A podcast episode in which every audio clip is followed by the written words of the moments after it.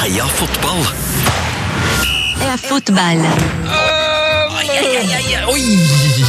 Hallo! God morgen, Norge! Fortell folket hvorfor du um, I'm in so much pain right now. Ja, du, du, du er så stiv i nakken. Du ser litt rar ut i dag. Du er Ja, jeg hadde- fysisk um, annerledes i utseendet i dag. Ja, altså Med all respekt for dem som har opplevd eh, verre ting, men det ser ut som jeg har fått slag. Eh, Men jeg har altså da bare verdens verste kink i nakken, og nå er det på tredje dagen! Tungt, vet. Tungt. Har sovet elendig. Jeg, jeg prøvde å ta meg en liten tur eh, ut på livet for å i hvert fall vite at jeg kunne sove. Sove godt? Ja. Funka ikke. hjalp de første tre timene. Ja. Mm. Nei, du må bli ordentlig nakken. Um, tips, gå til chiropractor. Ja, Chiropractor. ja. Men spørs, da, spørs om jeg rekker det nå. Eller så kan du bare gå til Krysj. Krysj. For han fikser ikke alt om dagen. Ja, ellers så tror jeg bare Det er jo en annen ting som gjør at jeg er litt sånn muggen eh, i humøret i dag. Det er jo for Det her, altså den eh, Har det noe noe med UFC 200 å gjøre? Ja. Men den sportshelga her, den er altså helt unik. For dem som ikke vet det, så er det da EM-finale, det er Wimbledon-finale og UFC 200, altså det største MMA-showet ever. Og i dag våkna jeg opp eh, etter å sove elendig, og så ser jeg at tidenes beste UFC-fighter, John Jones, som endelig er tilbake etter ekstremt mye surr utenfor eh, ringen, har klart altså å tydeligvis teste positivt på et eller annet. Er det han Bones Jones? Ja, John Bone Jones. John Bones Jones. Mm, trist for deg. Trist for det. Det er forbanna, men herregud, Krish i går. Det skal vi snakke om i dag. Tete Lidbom, opp med humøret. Vi, Ja, er, vi er mellom to semifinaler i EM. Det Det er Tyskland-Frankrike, da! Det det som kommer til å skje nå, er at, uh, at eh, Portugal trekker seg fra finalen. Mm. Og så må Wales uh, spille. Oppa dumpa! Oppa dumpa, Lidbommen! Kom igjen! Kom igjen, Er du klar? Ja, jeg er klar. Oh, yes! Det er godt å høre. Du, På søndag er det altså um, bare minn om det. Vi skal ha et lite EM-finaleshow klokka 19.00 på Mellomveien pub. Det stemmer. Da skal jeg, du, eh, Jørgen Skjelvik Ja, det er hemmelig. Og Skal vi pippe til det siste, da? Nei, Jonas nei. Ja, det kommer noen Rosenborg-spillere. Og kanskje Christer Basma! Ja. Kanskje Christer Basma kommer! Eh, Det er gratis inngang, men det er 20 års aldersgrense. Mm. Og så går det rykter om at nettsjef Lars har prøvd Har liksom dridd på spikrende planen nå. Ja, de denne planen er veldig viktig for deg som er under 20 år, og veldig viktig for deg som ikke bor i Trondheim, som ikke kan komme seg på mellomveien. Det kommer til å bli streama live. Kanskje. Kanskje. Kanskje kommer Christer Basma, og kanskje streamer han det live på Facebook. Heia fotball! Heia fotball. Husk, det er alltid ledig i krysset. Heia fotball! P3s Heia fotball. I dag har vi gjest til dette gutten. Ja, det er ikke hvilken som helst uh, gjest. Nei, nei, nei, nei, det er en strålende gjest. Um, her er liksom Jeg har begynt, begynt å bli så glad i han. Ja, jeg føler at, Men er det på en måte vår, eh, vår mann i England, da? Skal vi bare kalle det? Ja, vi kan godt kalle det. Vår mann i England. Direkte fra BBC. Mannen, myten, legenden. Energidrikkens fremste forkjemper. Fotballskribent for TV 2, Josmar, Nettavisen, Guardian, for å nevne noen. Eh, Lars Sivertsen, velkommen til oss. Wow! For en intro. Yes. For en intro. Velkommen tilbake. Tusen takk. tusen takk. Jeg regner med du sitter i lille skuret ditt på BBC. Det er akkurat samme studio, og det er ganske morsomt, for at det er et sånn kompleks her der det er masse sånne studioer, så de kan teoretisk sett sende meg hvor som helst. Men jeg har vært eh, i det samme rommet hver gang jeg har snakket med dere, og det føles jo litt sånn, litt sånn bra. Så jeg sitter her stadig med disse her uh, utrolig merkelige maskinene. Jeg la ut bilde forrige gang. Det er en sånn radio, det er vel en lydmaskin, det må det være siden det er BBC, men det står et skilt 'Warning, moving parts can cause injury'. Ja. Og, og, og da er vi ganske langt tilbake i tid, altså før radioutstyret var såpass at uh, du kan sette fingeren eller noe annet fast der, og så kan det gå galt. Så det, det, det er et fantastisk studio, dette her. Du har, um, du har jo en, eh, en tradisjon med å drikke energidrikk når du er hos oss, og vi har allerede fått inn lytterspørsmål som folk vil vite hva du har gått for i dag. Ja, ja, ja. Hvor mye har du drikka til nå i dag? Hvor har du kjøpt? Altså, folk det- har spørsmål her, da. Ja, det er Stig Jane er grunn, ja, Grunnen til at dette skjedde, var første gang dere hadde meg på, så forsov jeg meg litt og var litt sånn uh, trøtte den dagen, så jeg bare tenkte nå skal jeg bøtte innpå med energidrikk. som jeg drikker litt mye av uansett, for at det er jo sånn når man skriver lange artikler til Josimar og sånne ting, så blir døgnrytmen litt løgn av og til. Uh, så, um, så, men i dag har jeg en litt sånn kjedelig en med en som heter Boost, som er overalt i England. som ikke, Det er ikke så stas. Men vi har en som så Hva skal jeg beskrive denne energidrikken her? Eh, Albanski Raj, står det her. Hæ? Eh, ja, Albansk? albansk, det er en albansk eh, koffeinholdig greie. Med på framsiden så er det eller på, så er det, den er svart, og så har det en sånn rød sånn finlandshette med sånn albansk eh, merke Yes. på. Og, eh, og det ser ut faktisk som et par AK-er her. Altså, også. så dette, Og Gang Albani står det her òg. Jeg tror det er veldig bra dette- at vi i Det er greit at UFC pælmer ut eh, store fightere pga. Uh, mistenkt, mistenkt som doping, men jeg håper, det er bra. Vi har ikke noe sånn greier, har vi det, Sven? Nei, vi har ikke noe reglement på dette ennå. Nei, for, så- for da tror jeg kanskje du hadde røkket- røkket tvert her på den albanske drikken. altså. Jeg tror ikke dette er EU-godkjent, dette her. altså. Det, kom, står ikke kom, inn, kom inn rett etter brexit, den der. eh, Det står, det står ikke så mye om hva som er i den heller. altså Det kan være hva som helst. Det er fra en av de der internasjonale butikkene der de har mye rart. Det Deilig. Så det kan gå i alle retninger. altså. Er er det mulig å få sett bilde av denne? Ja, ja, ja. Det, det, det, det skal jeg få til. Jeg vet, kanskje, kanskje det var det han Lorik sa. Han hadde drukket masse av dette her før Sveitskampen, så han gikk hen og ble utvist sånn i første omgang. Ja, godt mulig. Når albansk Finland setter gunner uh, energi. altså. Hvis det kommer eksentriske ytringer herfra i dag, så er det litt av grunnen. da. Ja, Ja. Skylder på den albanske drikken. Um, for, fornøyd med gårsdagens semifinale? Altså, det, ja, nei, men jeg hadde jo egentlig Oi! lyst på altså, går rett i albaneren her. Det, var, det er jo en kalasjnikov som åpner boksen! Det var jo et helsikesmell! Eh, Ja. Ja, nå, nå kjører vi på. Nei, altså, jeg ville jo inn Jeg skal ikke lyge. Altså, det hadde vært best eh, Det hadde vært morsomst, syns jeg, med, med Wales. da, selvfølgelig. Lille Wales, uh, Gareth Bale. Den, den fantastiske Mannix-sangen, som er jo EMs beste sang. Kom igjen. Men Driter med alt dette David Guetta-styret de har kjørt med på arenaen, kan de bare kaste på havet. altså må, det, det er den sangen som gjelder. Men jeg, jeg syns det har vært kjekt. Og jeg synes det er greit at de har vært underdogs, og sånn, men de har vært gode. altså det, Jeg tenkte litt på dette England-kampen og og etter, etter de etter, ja, altså det, jeg, jeg syns jo de har en bedre altså den uh, Joe Allen, Aaron Ramsey og Joe Ledley midtbanen er jo bra, liksom. Det var, var, var synd at Ramsey mangla i går. Det tror jeg hadde veldig, mye å si, for Andy King er liksom ikke helt det samme. Ja, altså, Så- oss, som er veldig glad i ordspill, var jo, synes det var veldig koselig at Ledley King spilte midtbanen, men eh, bortsett fra det så var de jo svekka, eh, må man Ja, kunne de- si. Ja, det, det, det, Ledley King ah, Den satt langt inne. Oi, oi, oi, Den er god! Det er god, vet du. Er Der er du god, Sønne! Der er du god! Det mener jeg, jeg, I min ungdom så dikta jeg opp et overgangsrykte fordi um, jeg, jeg er i Tottenham, det har jeg aldri lagt skjul på. Det kommer aldri til å legge skjul på heller. Uh, og vi, vi hadde jo Ledley King, som var store helt veldig lenge. Og det hadde jo vært utrolig bra hvis vi hadde fantes en spiller som heter Kong. Det hadde toppa alt.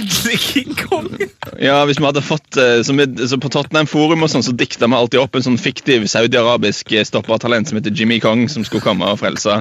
Men, men, men det var ett år i Afrikamesterskapet, så var det en, jeg tror han var fra Kamerun, en spiller som heter Alain Nkong. En Ja. litt sånn gam, gampete midtbanespiller. Jeg tror han hadde litt lange bein, litt klønete, men ganske bra driv. Uh, og han mener jeg husker da, og han skåret et par mål i Afri Afrikamesterskapet. Eh, Og da syns jeg det hadde vært ganske morsomt om han ble linka til Tottenham. Så jeg gikk inn på Wikipedia-siden hans og skrev at etter, etter å ha imponert i Afrikamesterskapet, så har han blitt kobla til eh, bl.a. Tottenham. Da gikk det et par dager, og så var det i alle overgangsspaltene. Da var ryktene om at eh, Og han gikk selv ut og bekrefta at ja, det har vært interesse fra Tottenham. Og dette du snakker vi om en ganske ja, ja, han, ja, ja, jeg fikk det i gang. Og, han, og det snakker vi om en ganske ordinær kamerunsk midtmann. Han spilte vel i Mexico på den tiden. Og han sa at han hadde ikke agent, men han fulgte godt med, liksom. Og jeg, jeg tror den mannen har lest Wikipedia-sida si, altså. Wow. Uh, og det var det jeg fra en, fra en studie fra en, sånn, uh, fra en forelesning i Bergen, faktisk. Jeg var litt sånn ikke helt motivert på, på studiet akkurat da. Så jeg satt faktisk under en forelesning og herpa Wikipedia-sida til Alain Kong og, og fikk den i gang. Det tror jeg det finnes spor av på internett fortsatt, altså, hvis folk søker opp. Ja, for jeg ser jo nå, Han har jo han har spilt Han har hatt en veldig spesiell eh, karriere. Det? ja, Han har spilt veldig mye i Indonesia de siste årene. 37 år. Virker som han kanskje spiller ennå. Han har casha inn, vet du. Han ble Ja. linka til Tottenham etter det, så han har blitt signet sånne eh, fått sånne feite i Asia. kanskje burde det være noen prosenter her. Altså, Det det kan, burde vet du. Ja, det- Også det- det, det det, det, ned, og så burde vi eh, lagt en plan som var hemmelig da, for eh, utenlandske medier, og så burde vi prøvd oss å satt i gang ti rykter, for eksempel. ja, Og så ja, ja, er ser vi hvor mange, som, hvor mange av de som blir plukka opp, og så følger vi det opp. Og så kan vi lage en dokumentar som handler om For det er jo så sinnssykt mye ryktespalt og sånn. Hvor, hvor lett er det å få planta et overgangsrykte? Og så må vi jo sikkert da prøve å gå via en agent, og det har jo vært masse snakk om det. Sånn som, hva er det som skjedde i, um, nå i vinter når Solskjær plutselig var linka til noe eh, MLS, og det var ikke måte på? Ja? Det var løye. Da, da tok jeg en telefon til presseavdelingen til den klubben, og de sa jo De, de ville ikke si noe om the record, men off the record så var det bare dette er bare piss. Vi har ikke hørt noe om dette. Så det var bare dikta opp. Nei, det her, det her må vi virkelig gjøre. Ja, det er gøy, vet du. Men du, eh, Men du det- ja, for, for, Men, men bare en ting bare for meg. Nå har jeg juksa litt, for jeg har laptopen foran meg. nå søker jeg Det opp. Det som er genialt med en Kong-historien, det har ikke jeg fått med meg. Den, det, det ryktet dukket opp igjen i 2011, for dette skjedde i 2008. Og jeg søkte på eller en Kong og Tottenham her nå, da kommer det først en artikkel Ja! fra The Telegraph fra 2008. Men så, i 2011, dukket det opp igjen. Eh, Tottenham Intensify en Kong Interest fra Tribal Football, som jo er bare møk. Eh, så her eh, Jeg, jeg, sitter og ser samme saken nå. Det er jo altså, det er helt fantastisk. Så når han, var, Det- når han var 32 år, så mente folk fortsatt at han var på Jeg digger også at han, en av, eh, en av um, sitatene fra en kong er That's why I don't employ an agent, because I never found the right person. Dette er jo Ja da. Dette er det gøyeste jeg har hørt i hele år. Alan Og det, Ja. og det var kun basert på at du hadde lyst til å ha noe gøy med ordspillet King Kong. Det kom et par dager etter jeg Altså dette, Disse ryktene dukka opp et par dager etter jeg herpa Wikipedia-innlegget hans eh, fra, en, eh, fra en forelesningssal i Bergen. på universitetet. Ah, så det kan jo altså Det er jo en slags altså Dette er en nokså middelmådig midtbanespiller som spilte i Mexico på den tiden. Det er jo mulig at Tottenham var interessert i han, men jeg vil anslå at uh, mulighetene for at en journalist leste Wikipedia og tenkte der er det noe, det, den muligheten er kanskje litt større. Ja, det, er, det er noen journalister som er sugne på den saken om at, uh, at Ledley er linka til Leicester, som de får Ledley King på midtbanen. Ja. Det, er som, det er noen som kommer til å kjøpe den. Det er jeg helt sikker på. En annen ting som jeg gjorde med Wikipedia i 2008, det var et sånn år da jeg var generelt umotivert. Så, uh, så, så jeg sådde tvil om, om Øyvind Storflos eksistens. da, for at jeg synes det var litt sånn, Han satt jo bare på benken i Rosenborg på den tiden. Det var før han gikk til Strømsgodset og liksom uh, selvrealiserte seg. Så Storflo var en sånn spiller som, uh, som var jo bra. Du så jo at Storflo kunne spille fotball, men han spilte jo aldri. Så jeg gikk inn på Wikipedia-siden hans på engelsk og skrev inn en paragraf om at det begynner å gå rykter om at han faktisk ikke eksisterer. Eh, og og, og det, det kom i Aftenposten, da, men jeg tror de, de forsto vitsen. Så hvis du, søker på stor, ja, hvis du søker på Storflora eksisterer, så er det en sak her fra, eh, eh, fra 2008 om eksisterer egentlig Øyvind Storflor? spørsmålstegn. Eh, og så har de faktisk fått uttalelse fra Storflor, tror jeg. Yes. Nei, det har de ikke. Det hadde jo vært veldig bra. Det hadde vært veldig bra. Nei, må gå inn, det, det vi må gjøre etterpå, er at vi må gå inn og endre Heia Fotball sin Wikipedia-side, og så bare få det til, så bare sånn lang tekst om denne episoden her, om at den, om at den har vunnet masse priser. sånn. The, at det er den beste podkastepisoden noensinne.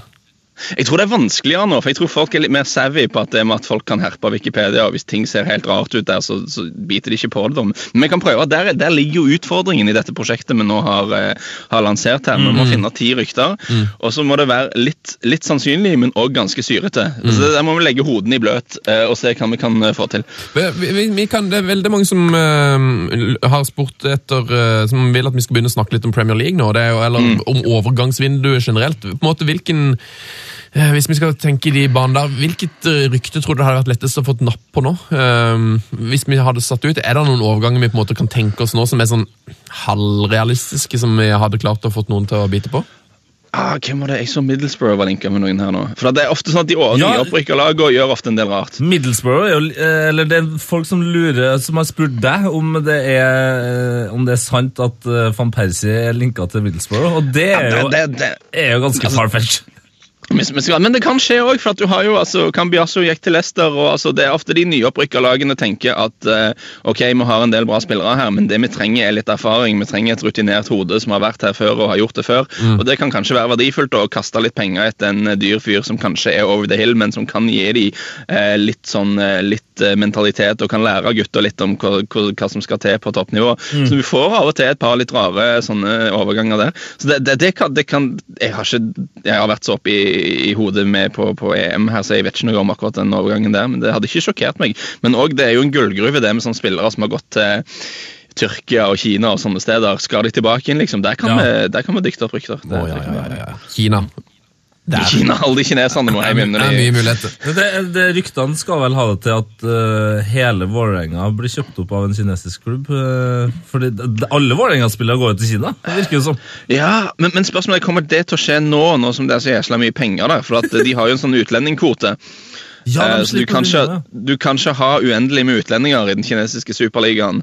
Eh, og alle har jo nå plutselig masse penger, viser seg. De driver jo og henter Lavetzi og Jackson Martinez og spiller på sånne helt, Ja. helt syrete lønninger som de, de, de leverer ut. Eh, så, så kan man da hente ifra tippeligaen på en måte, når du da ender opp med å bruke en utlendingkvote. Det er det som er spørsmålet. Det er rart. Eh, Vi kan hoppe ti minutter tilbake i tid og gå, gå tilbake til det opprinnelige spørsmålet vi begynte med. Ja. Eh, Er vi fornøyd med gårsdagens semifinale? Yeah. Altså, men, men jeg, kan, jeg kan ikke snakke for andre enn meg selv, men det var jo litt kjipt. da, kom igjen, Wales i finalen hadde vært helt magisk. Helt. Men, men, jeg, vil, men jeg vil jo òg slå et slag for Portugal, som jeg syns har fått altfor lite cred for at de spiller. altså, Jeg forstår at hvis du liksom en, eh, hvis, du, hvis du er et vanlig menneske som har en skikkelig jobb og liksom eh, har jobba hardt på hele dagen og gjort noe med kids og etter, etter jobb og kanskje vært i hagen og rota litt, og så skal du slappe av og ta deg en øl og se fotball, og så får du servert eh, Portugal-Polen, sånn som den kampen var. Da skjønner jeg at du tenker at dette Portugal-laget kan jeg styre meg for. Eh, For det er jo ikke alltid så kjekt å se på det de holder på med. Men det er jo òg en, en kunst, og eh, det var den godeste Jesper Mathisen som var inne på det om at hvis de hadde hett Italia, så hadde vi snakket og skrevet så mange, så mye om hvor fantastisk det er å forsvare seg. Og, og, men, men, men, men det er liksom Portugal, og de, de dreper liksom kampene litt, og de, de jukser en del, og de, de, de men, jeg syns det de gjør, det er på en måte en kunstform, det òg. Altså, de er veldig taktisk disiplinerte, veldig kløktige, de gjør veldig få feil. De, de har liksom fått jobben gjort.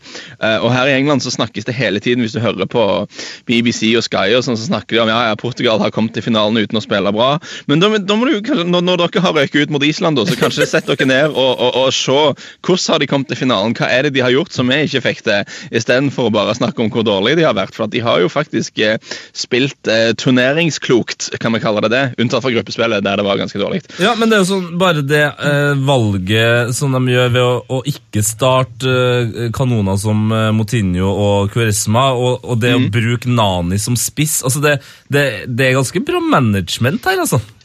Ja, han er, han er, han er, han er en slu rev. Han, Fernando Santos har jobba i Hellas i mange år. og har, uh, Han fikk jo mye kritikk etter Brasil. om jeg ikke, nå kan det være jeg husker helt feil, men jeg mener jeg husker at han uh, fikk mye kritikk da, for at han hadde liksom, han hadde sine favoritter som han hele veien brukte. Eh, men nå gjør han jo absolutt ikke det. altså Nå har han benka en del store navn, og, og, fan, altså, og de har jo ikke spilt fantastisk. Jeg skjønner argumentene for at de ikke har spilt bra. for at det har jo ikke, Du kan jo ikke argumentere for at angrepsspillet har sittet helt fantastisk for dem, men de har vært utrolig vanskelig å spille mot. og Kroatia-kampen var jo for veldig interessant, for Kroatia synes jeg var dritgode i gruppespillet. De så jo ut som et lag som kan gå hele veien her. Ikke sant? Men da, da går Portugal inn i matchen og tenker at vet du hva, hvis Modric og Rakitic får spille fotball mot oss, så da blir det hekken. Så de bare de stengte av hele kampen. altså De drepte hele greia. De gjorde det umulig å spille fotball, og så klarte de å klore seg videre. Og, og det er jo kanskje ikke det er ikke jubelfotball, og det er ikke TV-vennlig, og jeg skjønner at folk blir oppgitt og sånn, men, men for å lykkes i turneringer, så er det ofte det, det er en av måtene du kan gjøre det på, da. Ja, ja. Ja, men det, Absolutt. absolutt. Og jeg er fortsatt så fascinert over når Renato Sanchez kom inn i den Kroatia-kampen, og det virka som han har fått én beskjed. Hvis du får rødt kort, så har du gjort en bra jobb. Altså, han kom inn ba, altså, han, Det var eneste han gjorde, var å hive seg inn i taklinga, liksom. Han hadde vært på den albanske energidrikken før, tror jeg. Det var, han var skikkelig kamikaze. Og det, det er jo altså Det, det er game management, på en måte. Det, de, de, de, de får til det som skal, det, det, den jobben som vi gjør. Så det er, I turneringer så er det faktisk det som gjelder. Og til syvende og sist Den store utfordringen på landslaget er at du har jo begrensa tid med gutter. Eh, og, og det med å øve inn et bra offensivt kollektiv på så kort tid er veldig vanskelig, men det er mulig å, å drille inn det defensive. Det, det, det sånn som jeg forstår det på trenere, det, det tar mindre tid å coache inn det defensive enn det gjør å få til et kollektivt og intuitivt offensivt spill. Så det er litt logisk at du på landslagsnivå bare tar ok, vi skal iallfall ikke være lette å skåre mot, og så får profilene våre framover bare finne ut av det på en eller annen måte. Det er, det omtrent det de har gjort, og det er ofte det lagene som lykkes. Hvis du går gjennom eh, landslagsfotballens historie, så er det ofte det det er ofte det med det, det var litt, Vi kan snakke om det senere, men alt det vi spådde tidlig i turneringen, det er mye av det som har slått feil. Men, men noe av det vi snakket om, som jeg står for fortsatt, og som jeg syns vi traff godt på, var det med at det er de lagene som er vanskelig å skåre på. Det er de lagene som er solide kollektiv. Det er de, det er de lagene som henger sammen, eh, som har gjort det bra her. Eh, noen av de har hatt gode spillere, noen av de har hatt mindre gode spillere. Men, men det som er liksom tråden mellom de som har kommet langt her i turneringen, er det de som har fungert som, som lag, som enheter. Mm. Eh, også det du var inne på, at, jeg synes, altså, at han treneren kanskje bør få litt skryt for det han har gjort det, så Renato Sanchez ble jo I begynnelsen så var han jo på, på benken og var litt sånn ah, Klassisk han er bare med for å lære, får liksom ikke, kommer ikke til å få noe særlig sjanse i dette mesterskapet. Men han har, han har jo klart å gjort han til en sånn bærebjelke i det laget i løpet av to kamper. Ja, så har han brukt, han har brukt, eh, den, fått han har brukt den forskjellig. Eh, altså Han har brukt den som den her kampdreperen. Han har brukt den lenger fram, som eh, både i går og sist kamp. Eh, men altså må altså uh, Bruno Alves få litt skryt der. Altså, Enn at Bruno. Alves kom inn og bare levere en, en kamp nå. Altså, Han spiller i Cagliari. Folk har glemt han her altså, det er jo den, Vi har snakka mye om eh, det, i år om spillere som ser ut som de er kriminelle. Eh, og er det én Er det én mann som burde være på toppen av den lista, så er det Bruno Jeg vet Alves. ikke, vet ikke om dere la merke til det i går, men altså, nå, man har jo snakka om den eh, headinga til Pogba, som var helt sånn Han letter lette fra, fra, fra jorda og bare går ut i en annen galakse og lander aldri. og Det samme skjedde jo med det målet til Cristiano Ronaldo. Men det var ei heading i går med han eh, Bruno Alves Ja. som han vant så voldsomt! Altså, Jeg vet ikke eh, hvilken idiot det var, om det var Vokes eller hvem det var, men det, det var bare jeg var sånn, å herregud, hva, hva er det der for noen dyr de har slitt sluppet? Nå, nå, nå, nå som du sier det. Og jeg tar jo mye selvkritikk for at han ikke var med på barslagsmål-elveren. Men da, han, han burde jo vært selvskreven der. Han ser ut som uh, Machete. Hollywood-figuren Machete. Yes, det er akkurat det han gjør. du. Eh, Danny Trejo. Ja, det er en- Um, du var inne på det, Lars. Uh, vi, har, vi har jo gjort en avtale med dem at du skulle spå VM i, begynnelsen- nei, i, Ja. i, i, i begynnelsen av EM. Og så skal vi, gå, skal vi gå over tipsene dine igjen nå. Um, jeg tror bare vi, vi hopper rett ut i det. Nei, ok, ok, ja, okay kjør på. Du sa at du, at du har bomma på mye, men jeg har sittet og hørt gjennom alt det du sa um, nå i, i går og i dag, og du har treffa ganske bra. Så vi kan høre først eh, Lars Sivertsen sine, Nei, må vi det? sine semifinaletips. Og I semifinalen mine har jeg Spania, Portugal og Tyskland og Frankrike. Det er, det er tre av fire! Der er du Det er tre av fire. Jeg hadde Portugal, altså. Jeg var på den. Ja. Eh, men, men Spania-tipset mitt slo jo ikke til i det hele tatt. Og det var jo litt rart, for jeg, når du så de i de to første gruppespillskampene, så, så var det ikke rart at vi tenker at ok, Spania er tilbake, altså. For da så de skikkelig bra ut, syns Jeg, jeg. Det- jeg var jo og så Spania-Tyrkia i NIS. Ja, du var på den, ja? ja ok. Og det er jo, altså, De var jo så gode. De, de var helt latterlig gode. Det, altså, det, et av EMs vakreste mål er jo den der når Iniesta trer igjennom til Jordi Alba, og så Ja. gir han ballen til Morata på åpent mål. Det var bare sånn Det går ikke an å spille ut et lag mer enn det der. Det, nei, det ser kan- ut som Real Madrid i La Liga, liksom. Og Nolito så bra ut, og liksom ja. Silva var en nyttig Piqué Piquet var både midt, eh, midtstopper og spiss. Iniesta var helt gud, Ramos, eh, Morata var liksom så ut som den beste spissen i EM. Så de, at de røyk ut så tidlig, var jo bare litt sånn sjokkarta, iallfall. For meg, jeg, jeg, jeg var veldig på at nei, nå, ah, herlig, nå er de Nå i gang, liksom. Nå, nå, nå kan de bare vinne det hvis de vil. Jeg òg følte det. Også, det er litt sånn sofaanalyse, da, men du, du virker jo som de skrudde litt av mot Kroatia og tenkte at ok, nå vi trenger ikke, kanskje ikke vinne denne kampen, og så kom de aldri helt i gang igjen mot Italia. Men ære til Italia for at de bare kjempa de ut av stilen og sprang og jobba og reiv og gjorde det vanskelig å spille fotball. Men jeg syns liksom Spania så så dvaske ut i den kampen. Jeg skjønte ikke helt hvor de kom ifra. så Det, var- det mangla sprut og energi og overskudd og alt det der. så de, det som alle snakker om, er jo at det er mange av de beste spillerne på det laget som har vunnet så mye fra før, at de har kanskje den der helt syke motivasjonen som, som noen spillere har når du, når du virkelig har noe å bevise. da. Og det var kanskje det Italia tok de litt på. at det her, Du har ganske mange spillere på dette italienske laget som har blitt levna veldig lite ære både før eh, og til dels under turneringen. altså Folk som Giaccherini og sånne ting som bare kommer her og, og, og gir absolutt 100 og, og, trekker seg ikke i noe som helst. Du ser på av de gutta de har kanskje, de tenker altså, jeg, tror, jeg tror Det med motivasjon og fotball er litt rart. For jeg tror ingen av disse noen gang går på banen og tenker at dette gidder jeg ikke. Alle er motiverte på en måte, men det er forskjell på å være motivert og på å ha den der syke flammen på at nå skal jeg faen meg ta dette her. sant? Det er to forskjellige eh, sinnstilstander, tenker jeg, og kanskje Spania hadde litt for lite av den siste der, da. Det, det kan være noe. Den flammen eh, har jo definitivt uh, Cristiano Ronaldo.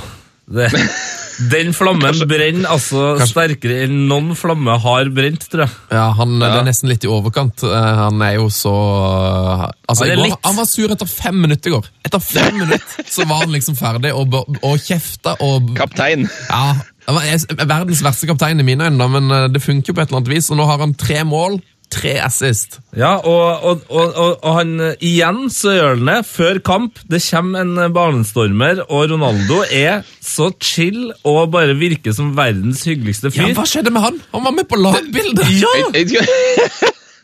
Jeg, skulle til å si det, for vi, snakker om at han har dårlig kroppsspråk og at han er en løk, og alt det der, og det er greit. Men når det kom en banestormer og skulle ha selfie, da tok han den selfien. altså. Det, Ja. det synes jeg var, Der viser han storsinn. Ja, og nå, og nå klemte han altså en, eh, en ny banestormer, og eh, i intervjuet rett etter kampen så er det første han sier liksom sånn Jeg vil bare, jeg må egentlig bare først og fremst gratulere liksom staffet. Folk har vært så sykt bra, bla, bla, bla. Og, men det skal sies, det er ingenting som skal feires her, for vi har ikke vunnet noe ennå.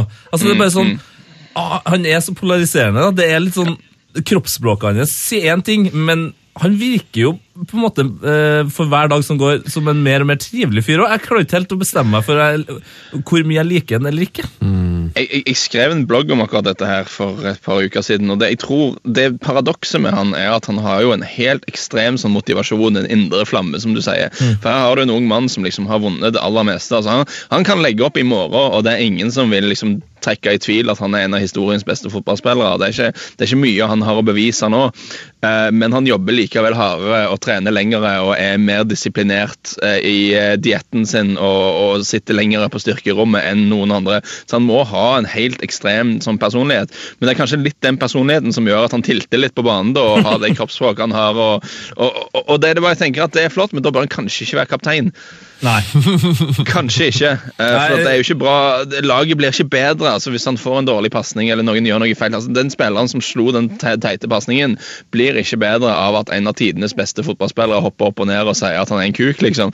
Det, det, han kommer ikke til å være bedre i neste involvering. Det er ikke helt sånn mennesker fungerer, tror jeg. Nei, og det er jo, Sven skrev jo eh, på melding til meg i går eh, under kampen at han var, må ha vært tidenes verste kaptein. Eh, og egentlig så er jeg jo, kan, kan jeg være enig, men så kom jeg på at Joey Barton har vært eh, kaptein i Cupia, så, så da slo jeg Sven der. Eh, når, vi, når du var innom her sist, Lars, vi skal høre et klipp til, så reagerte jeg egentlig ganske kraftig på at du hadde valgt Portugal videre eh, så langt. Så vi kan bare høre på argumentasjonen der. Litt overraska at du har Portugal så langt. Ja, men det man må jo hva er det jeg har, jeg har, jeg har regnet meg frem til at de skal Det er vel mest, mest fordi at jeg har kommet frem til at jeg tror de får Belgia i, i eh, første utslagsrunde. Eh, og Belgia har jeg ikke så mye tro på, fordi jeg har sett de en del. og Du, du går liksom og venter på at Belgia endelig skal se ut som et fotballag, og ikke bare en sånn samling av gode spillere. Det, det skjedde ikke. Det skjedde jo ikke, men begge Nei. deler skjedde jo også. Jeg syns det skjedde. De, eller, de møtte Ja. jo ikke Belgia, da, men uh, Belgia var jo bare en, en samling gode spillere. Eh, Gruppe, gruppe F tror jeg for, for alltid vil bli huska som LSD-gruppa i dette turneringen. her, altså der, der skjedde det mye rart. Eh, Så det ble ikke helt sånn som vi hadde spådd. Men, eh, men akkurat det med Belgia så vi jo da. Og de, og det er jo liksom, Enkeltspillerne er jo fantastiske. så du ser at Når de spiller mot for f.eks. Altså, Irland ble jo helt most av de. og når de virkelig, når de får flyt, de her enkeltspillerne til Belgia, så er det jo veldig vanskelig å stoppe. Men når de nå møtte som vi snakket om, et bra kollektiv, når de møtte et lag i, i Wales som hang sammen, og som, som, eh, som var disiplinert og nekta de rom der de ville ha rom, og sånn, da, da, da datt de sammen ganske kjapt. altså. Eh, vi kan høre den siste um, spådommen din. Du har vært inne på det litt allerede, men vi kan bare eh, gønne på. Jeg har, jeg har en følelse at det kan bli et sånn turnering der de lagene som klarer å holde tett, gjør det bra. Fordi det er ganske Det er ikke så mange det er ikke så mange lag som ser ut som, som, ser ut som at de kommer til å bøtte inn med mål. liksom. Det, det, er ikke mange, så Jeg tror det er de som klarer å holde nullen, som, eh, som kanskje kan så Jeg tror Italia har jo blitt veldig avskrevet, men jeg tror de kan bli vanskeligere å, å, å, å sko seg på. Mm. Der, der er du ganske spot on, altså. Ja, ja. Det er jo det er litt sånn litt kjip forutsigelse. De lagene som ikke slipper inn mål, kommer ikke til å tape så mye. Det, sånn, ja, ja, ok.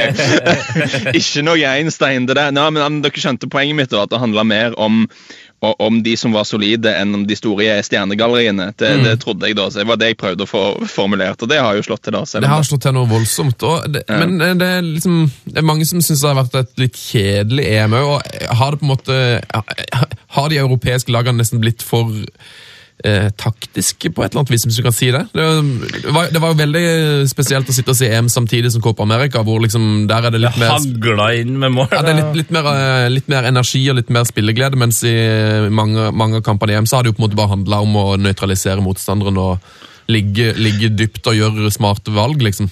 Jeg har tenkt litt på det. at Jeg tror det er som jeg sa før, jeg tror det er lettere å drille inn et OK defensivt um, en ok defensiv blokk enn det er å få til et sånn uh, intuitivt, uh, telepatisk, uh, bra drilla offensivt kollektiv når du har kun et par uker i året med laget. Det tror jeg er et poeng. Og et annet poeng er at altså, det er jo det er lettere å kontre enn det er å prøve å styre kamper og, liksom, eh, og, og, og, gjøre det på den måten. Så jeg tror det, det, er ganske mange lag som tenker at er, man, har, man, har, mer å vinne på å spille på lav risiko og, tenke litt Drillo, rett og slett, enn man har eh, på å prøve å styre kampen og prøve å skape noe. Så det, det blir nok litt mange lag som går ut og prøver å utnytte, utnytte feil hos motstanderne eh, i større grad enn de prøver å skape noe selv. Eh, og det, det, er nok litt uunngåelig at det blir sånn på landslagsnivå, tror jeg, rett og slett fordi at eh, man, man de, de, treffer hverandre ikke ofte nok. altså. Det, det, det, er faktisk veldig vanskelig det med å spille bra angrepsfotball, og det krever samhandling på veldig veldig høyt nivå. Det gjør selvfølgelig forsvar òg, men jeg, jeg, min følelse er at det er bitte grann lettere å trene inn med de begrensa tidsrammene som man har på landslagsfotball. Ja, så er det jo det, er liksom, det har vært året for det med, med, med det høye presset. Selv, altså mm. Det er defensiv, defensivt, men du har et veldig høyt intens, uh, in, mm. intensivt press, da, som, mm. som f.eks. Uh, Italia lyktes uh, veldig med. for hvis de, hvis de, hadde ligget mye lenger ned, så hadde de nok mest sannsynlig uh, tapt denne kampen mot Spania. For ja. det er det spanjolene elsker. er jo å spille, mm. spille, mot folk som bare ligger ned, liksom. Så, så det, det, det, har skjedd noe rent taktisk eh, i landslagsfotballen eh, generelt, føler jeg. Og Italia var jo litt unntak, og det er nok eh, man sitter jo igjen med følelsen at Italia kanskje har den beste treneren i dette mesterskapet. Mm. For, for, der så du et lag der alle liksom alle visste hva de skulle gjøre. altså Det er alltid et tegn på et bra lag som er bra coacha, at spillerne ser veldig komfortable ut i rollene sine og vet nøyaktig hvilke posisjoner de skal ta opp, og vet hvilket rom de skal dekke, og vet når de skal presse. Ikke bare det med at man skal presse, men vi skal vite når og hvor man skal presse. Og de gjorde en utrolig bra jobb på bare Spania kom ikke inn i rytmen sin, liksom. De fikk ikke i gang på pasningsspillet, for at de tok de, som du sier, på midtbanen. og de hadde mange arbeidsomme bein der inne som gjorde at de aldri kom helt i gang. Og det er ikke noe sånn det, jeg, jeg, tror nok, altså Spesielt her i England, der som jeg er, så tror man det er bare ja, gå ut på banen og springe rundt, liksom. Men det er ikke sånn. Du må vite når og hvor du skal sette inn press, og hvilke spillere du ikke skal la få passne, sende pasninger og sånne ting. Altså, det med å presse er en kunstform, det òg. Og det tror jeg akkurat Conte er veldig veldig flink på å drille inn i laget sitt. Så det blir spennende å se i Chelsea neste sesong om han får det til der òg. Hvis vi skal prøve å kåre en uh, turneringens trener, da. Uh, er det Conte, eller vil vi skryte mer av f.eks. Deschamps eller Løv? Jeg jeg tenker med en gang at uh, at Conte er den åpenbare, men at Løv burde jo få kred for akkurat det han gjorde mot Italia. For han gjorde jo med formasjonen skulle, Han bare blokka ut. Jeg skjønner jo, sånn som du sier, dem som bare setter seg ned med en pils og skal ha underholdning. Italia-Tyskland-kampen var sikkert ikke veldig veldig gøy før straffesparkkonkurransen, men for meg så var det jo akkurat det som gjorde den kampen så sykt interessant. Da, at de bare de cancela hverandre helt ut i kampen. Liksom. Og det syns jeg var skikkelig gutsy av Løv. Ja. Eh, og, og, bare gå, Nå skal jeg prøve å, å ta Conte på, på, på, den måten. og eh, det, det, kunne gått veldig galt, og da hadde Løv sett veldig teit ut. Og Det, det opplever jeg i fotballen, at eh, veldig mange valg som trenere og ledere tar, er motivert av den tanken med at ok, selv hvis dette går galt, så kommer jeg iallfall ikke til å se ut som en tulling. eh, men, dette var et valg som Løv tok, og hvis det hadde gått galt, så hadde han sett skikkelig teit ut. Og Det er sånne valg som trenere prøver å unngå, som regel. Eh, det er derfor de er så konservative, veldig mange av de. og gå for sånne ting som ja. Det er derfor Hodgson liksom, ja, jeg kaster inn alle spissene, så får jeg i hvert fall ikke det på meg at de ikke ville bruke Vardy eller Sturridge. eller hva, hva. Det, det, det, er veldig, det er litt sånn PR oppi det her, føler jeg. Eh, og Der var Løv gutsy og tok et valg som, eh, som, var tøft og som var risikabelt, og som han da fikk betalt for. Så det. Men jeg, vi må jo slå et slag for, eh, for Lagerbäck og det han har gjort på Island. Altså, det, det er ganske, ganske unikt, egentlig. Bare det her det fokuset som har vært på, på Lagerbäck som verdens roligste FM-spiller, at, han- at han bare sitter At han sitter hele kampen gjennom og bare lar, lar maskina kalkulere det som kalkuleres skal. Det, jeg vet at det går som det går der. Jeg kan ikke, jeg kan ikke gjøre noe med det. Det er, det er helt nydelig. Rope så mye på monitoren du bare vil. Det blir ikke, blir ikke bedre. Det, nei hadde vært, det hadde vært gøy å bare hatt på, fått, fått liksom de fysiske dataene, pulsklokke på Lagerbäck og Conte, for det må jo være liksom oh, det, Du har en fyr som sitter nede i 88 minutter. Han er kanskje ute og tar seg, liksom, tar seg en slurk med vann sånn etter 42 minutter, eller så sitter han bare der. Må, må liksom bare ut og bevege seg litt for, for ikke å få blodpropp i beina. liksom. ja, men, altså, han, andre Han bare sånn- Han har sikkert støttestrømper. ja, han har det. Så gjør han sånne tåbevegelser som du skal gjøre når du tar fly veldig langt. Sånn krøller med tærne og sånne ting. Det, det er veldig viktig. Nei, men Det tror jeg de, de gjorde noe sånt i England for noen år siden. Nå har jeg glemt veldig, Det bør jeg ikke begynne å snakke om engang, for det er en sånn halv historie. for jeg husker ikke helt greia, Men jeg tror de hadde festa litt sånn monitorer og sånn på en del managere her.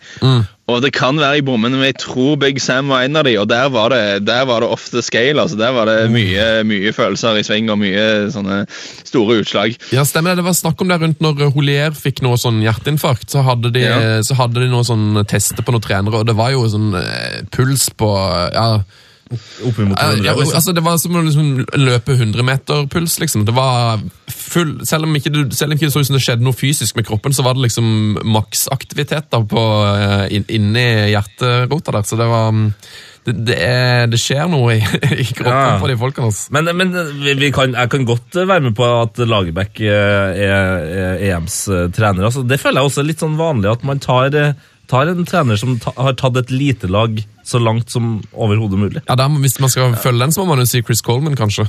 Ja. ja. Og han, han også skal ha kudos for at han, han så så Istedenfor å ta og, og prøve å skvise inn spillerne sine i et system som han hadde lyst til å spille, så så han ok, hva er det vi har her, og hvilken formasjon kan jeg sette disse sammen på en måte som gjør at jeg får flest av de gode spillerne på banen samtidig.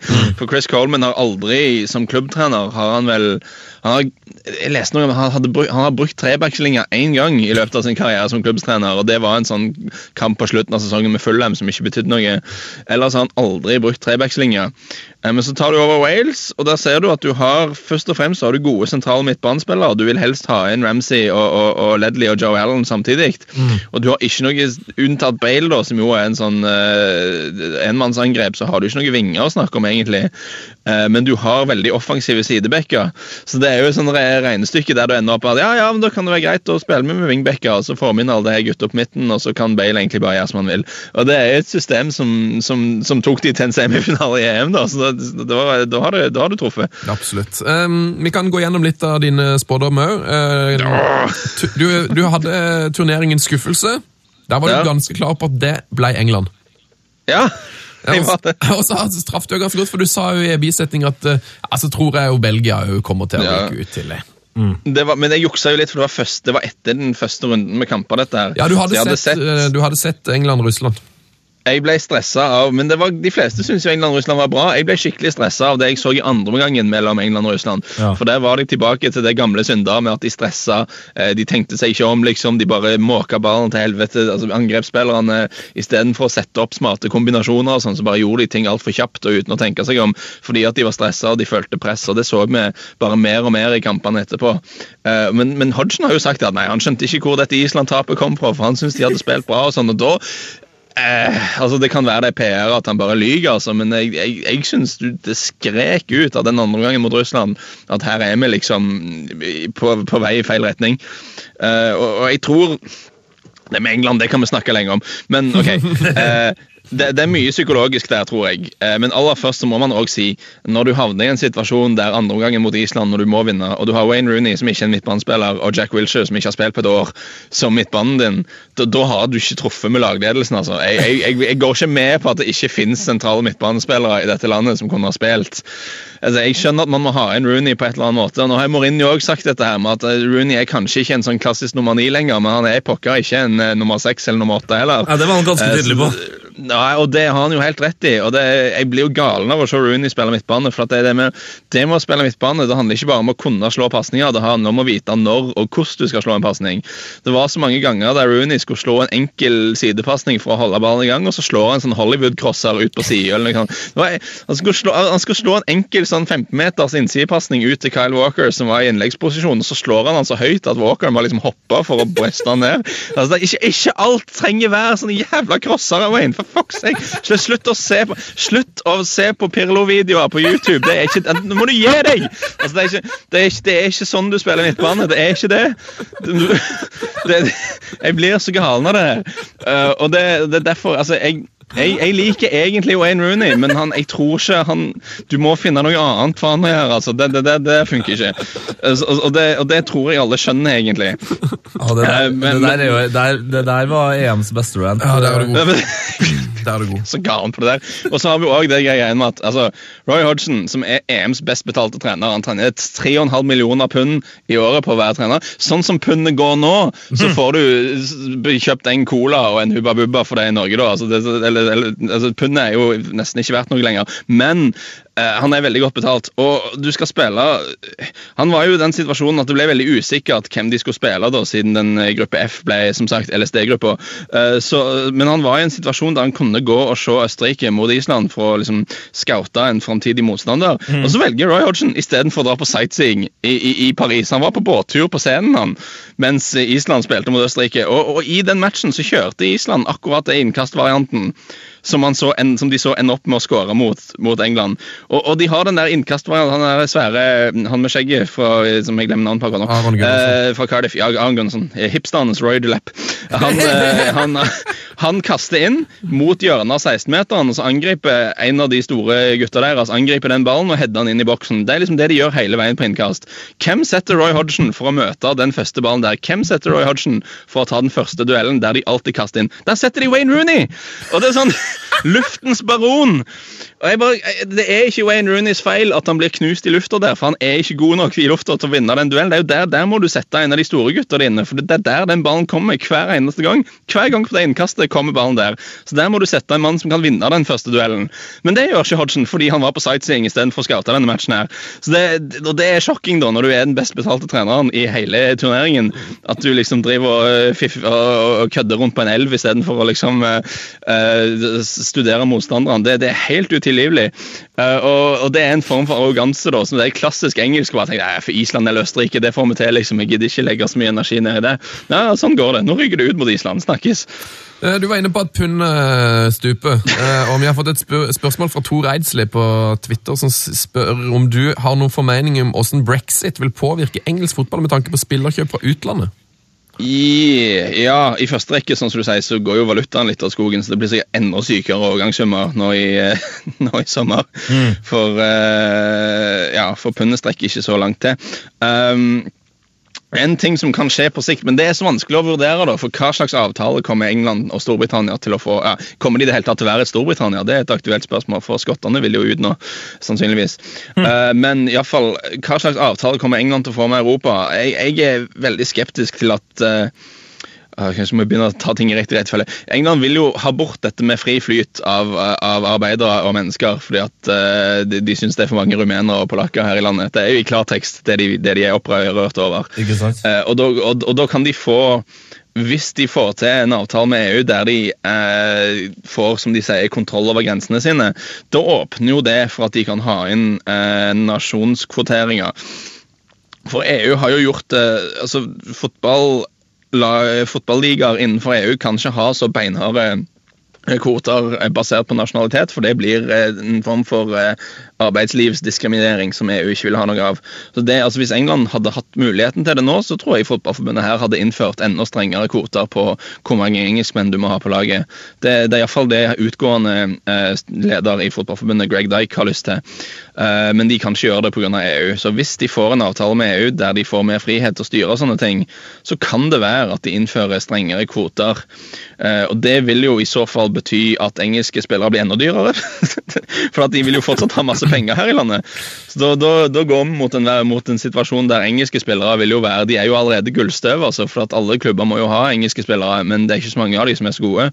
Så det vil jo, det vil jo gå enda mer inflasjon i det, vil jeg tro. Men Alt dette her er jo helt hypotetisk, for sannsynligvis min mistanke er at de kommer til å ende opp med en avtale som ligner litt det vi har i Norge. Eh, for de må jo fortsatt være en del av Europa. Eh, eksportnæringen her i landet vil jo ikke funke uten det. Så det kan nok nå må vi spå veldig kompliserte politiske prosesser, her, men min mistanke er til syvende og sist så vil ikke så mye endre seg, for jeg tror de kommer til å ende opp med noe som ligner på den norske avtalen. Eh, de vil sikkert kalle det noe helt annet, selvfølgelig, men, men det blir, jeg tror nok dette med fri flyt av eh, mennesker fortsatt vil vil skje. Jeg klarer, ikke, jeg klarer ikke å se for meg noe annet. Nå kan det selvfølgelig være jeg tar feil, men sannsynligvis, det, det, det korte versjonen er sannsynligvis så vil det ikke endre så altfor mye, rent bortsett fra at pundet er, svakt. Eh, men det kan skje ting om noen år. Jeg anbefaler å søke opp på, på internett, så er det en advokat som heter Daniel G, mm. eh, som er veldig aktiv på Twitter, eh, som heter Sport Law eller noe slikt, som har skrevet en lang artikkel om alle de forskjellige utfallene som kan skje. Han har forklart dette på en mye mer konsis og forståelig måte enn det jeg har prøvd å gjøre nå. Eh, og, og, jeg anbefaler å sjekke opp det da, for hvis man er nysgjerrig. Da... Jeg kan legge ut en link til det på Twitter hvis dere vil. Ja, strålende, strålende. Mm. Uh, vi, tar, uh, vi, tar, ett eller to lytterspørsmål til før vi uh, begynner å rappe opp. Men ja, tiden har gått. Tiden Jan André Mraz Hagen, vår kjære lytter, mm. han uh, sier Pogba for 1,1 milliard til United. Det er et rykte. Uh, det er vel snakk om 1,5 milliarder. Så spør han oss egentlig om det er verdt det. Ja, men altså igjen, sånn som pundet går nå, 1,1 milliard, da får du jo får du kjøpt Christian Gauseth eller noe sånt. Det er jo, det er jo pundet er jo på vei ned i den dypeste avgrunnen. Nei, men eh, for å være seriøs et øyeblikk, hvis vi lever i en verden der Troy Dini er verdt 30-40 eh, millioner, så hvorfor skal ikke Pogba være verdt 1,1 milliard? Eh, det, eh, vi kommer til å se en nokså voldsom inflasjon i overgangsmarkedet nå i sommer fordi nye TV-avtalen er så stor fordi de har mye penger. Og så vil det da, at fordi pundet er svagt, er blitt svekka mot euro, eh, så vil jo når man henter spillere fra kontinentet, så vil eh, summene i pund bli litt større enn det vi er vant til. Ja. Så at Pogba skal gå for så mye altså jeg, jeg, jeg har ingen problemer med å tro at f.eks. United er villig til å bla opp så mye penger for Pogba nå i sommer. Og da syns jeg Juventus burde selge, egentlig, for jeg vet ikke om han er verdt så mye for Juventus. Eh, det, en, en, en annen ting som gjør at Pogba er verdt så mye for et engelsk lag, er at han teller vel, om jeg ikke tar helt feil, så teller han som homegrown. Mm. Så han går på disse kvotene de må fylle av, av britiske spillere, paradoksalt nok, fordi han var i United eh, i en periode når han var ung. Perfekt. Så han teller jo som engelskmann. Kjøpet. Ja, og det er jo sånn, man henter jo, du ser, det er så mye rare overgang i England som kan forklares av det, denne kvoten. liksom, det, det, Man bruker jo utrolig mye penger på ganske ordinære engelske spillere fordi man er nødt til å ha så og så mange engelskmenn. Mm. Og det er faktisk ikke så mange gode engelskmenn. Så Det er jo derfor du ender opp med at Stirling koster 50 millioner pund. liksom, fordi at eh, Hvor mange unge engelske spillere som er gode nok for et lag som vil vinne Premier League, har du. Altså det, det, er nesten ingen, så da, da, blir de som er, veldig veldig dyre. Og, og det påvirker jo Pogba-prisen òg litt, vil jeg anta. Tror du at han går til United da, Tete? Eh, Pogba? Mm. Eh, nei, det, Problemet er jo om det er Real eller eh, United som eh, vinner budrunden. Han går i år, det, det, er jeg helt sikker på. Da tror jeg han går til United. for det. Min, min teori, Det virker som United er så at, de på en måte, at nå satser de på en måte alt. Eh, så nå har de henta Mourinho, og så har de henta Zlatan, og så har de henta Mkhitarian. Og så hvis de, hvis de byr 150 milliard, eh, millioner, milliarder Så vil det ikke da være sånn Har Pogba på en måte noe valg, hvis, hvis Real Madrid ikke vil by mer enn 110, eh, da? Vil, vil det ikke være sånn at Juventus på en måte bare Nei, du, du skal til du skal til United, og det er snakk om at eh, agenten skal få 25 millioner i fôret for at han går til United. Har på en måte Pogba noe valg, selv om han egentlig Han har vel sagt at han helst skal vil til Real Madrid. Har han, har han egentlig noe valg hvis United på en måte bare banker på 150 mill.? Ja, du er inne på noe med agenten der. så Nå har de henta Zlatan og Miktarian gjennom Mino Iola, så de har jo god tone med han nå i sommer, vil jeg anta. Eh, og Det eneste jeg tenker, er at Juventus trenger jo ikke selge. Juventus har jo penger. Juventus er ikke i en situasjon der de må ha disse pengene, og det vil jo være et sånn prestisjetap. Altså, han er jo den største stjernen i Serie A, det må være lov å si. Og, og det er ikke så lett for klubber i Serie A å tiltrekke seg de aller beste lenger. fordi at uh, rightly or wrongly så har de et rykte for at Serie A ikke er så bra lenger. Uh, så det er jo et tap av prestisje, så de må jo, det må jo være en så høy sum for at det skal være aktuelt for dem. Men jeg tror nok òg de ser på det rasjonelt og tenker at fra deres perspektiv så altså Juventus er nok gode nok til å vinne Serie A også uten Paul Pogba. Og, eh, og så mye penger, det, det, det, det er vanskelig å si nei til.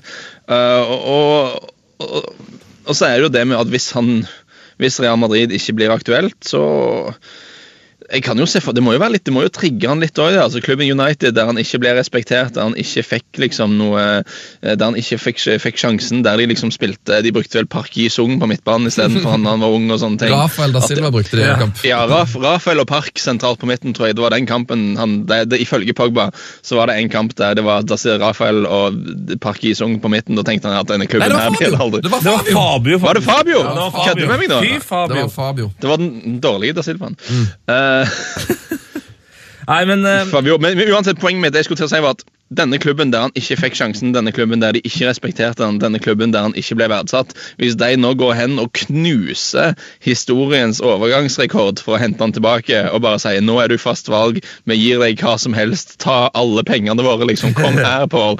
Det må jo trigge han litt på et sånn egonivå, det òg. Altså. Han er jo menneske, han òg. ja.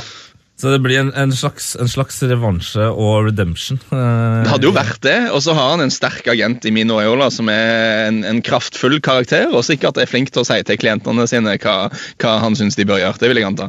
Du har jo vært ganske god med EM-tippinga, mener vi. eh, Og Adrian Agesen eh, spør på Twitter eh, Ågesen. Ja, Ågesen. Jeg ga han liksom eh, Twitter-navnet hans. Sånn at Hvis folk vil følge ham. Ja, ja, ja. Adrian A. Agesen. Riktig. Og han skriver bare PL med Pep, Wenger, Klopp, Conte, Mourinho, Ranieri, Bilic og Pochettino. Hvem havner innenfor topp fire?